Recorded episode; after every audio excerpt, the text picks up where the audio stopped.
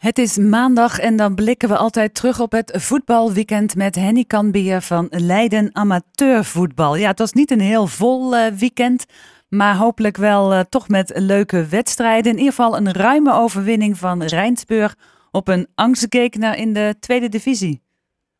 Dat klopt, want in de tweede divisie en derde divisie werd wel nog een compleet programma afgedraaid. En een van de wedstrijden was inderdaad op de Duinwetering Noordwijk tegen Rijsburgse Boys. Rijsburgse Boys heeft het doorgaans heel lastig tegen Noordwijk. Maar dat was nu wel anders, als Noordwijk miste de nodige kansen. Daar profiteerde Rijsburgse Boys van.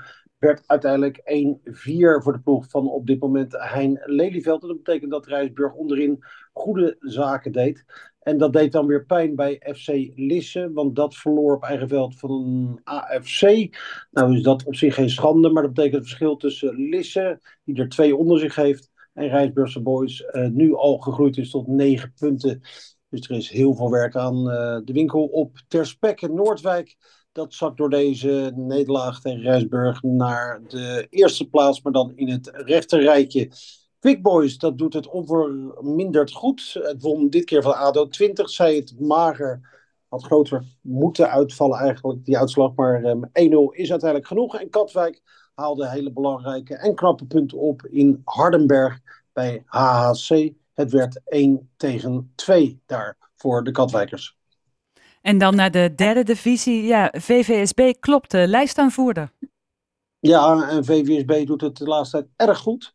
Won nu van Harkema's Boys met 3-2, waardoor Harkema's Boys geen winterkampioen geworden is. Want dat is nu IJsselmeervogels.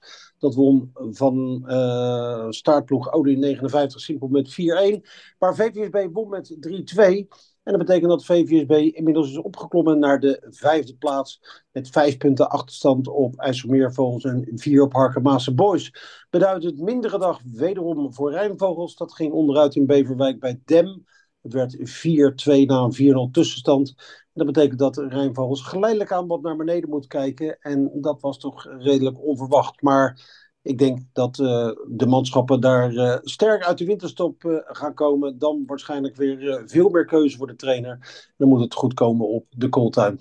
Ja, en dan gaan we naar beneden, naar de derde klasse. Want daar was wel, waren wel wedstrijden in dit inhaalweekend. Maar dat leverde geen winnaars op. Nee, op twee velden werd er gespeeld. BSC, ASC werd eerder gestaakt vanwege het onwelworden van de scheidsrechter. ASC had een overwinning nodig met twee goals verschil om periodekampioen te worden. Want die stond nog open, de eerste periodetitel. Maar het lukte niet. Ploeg van Stefan Cruijff kwam nog wel op een 1-0 voorsprong.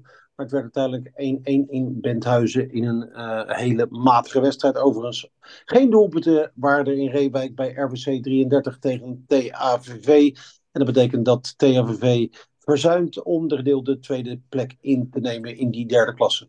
Dan naar de vierde klasse. Warmunda is daar op dreef.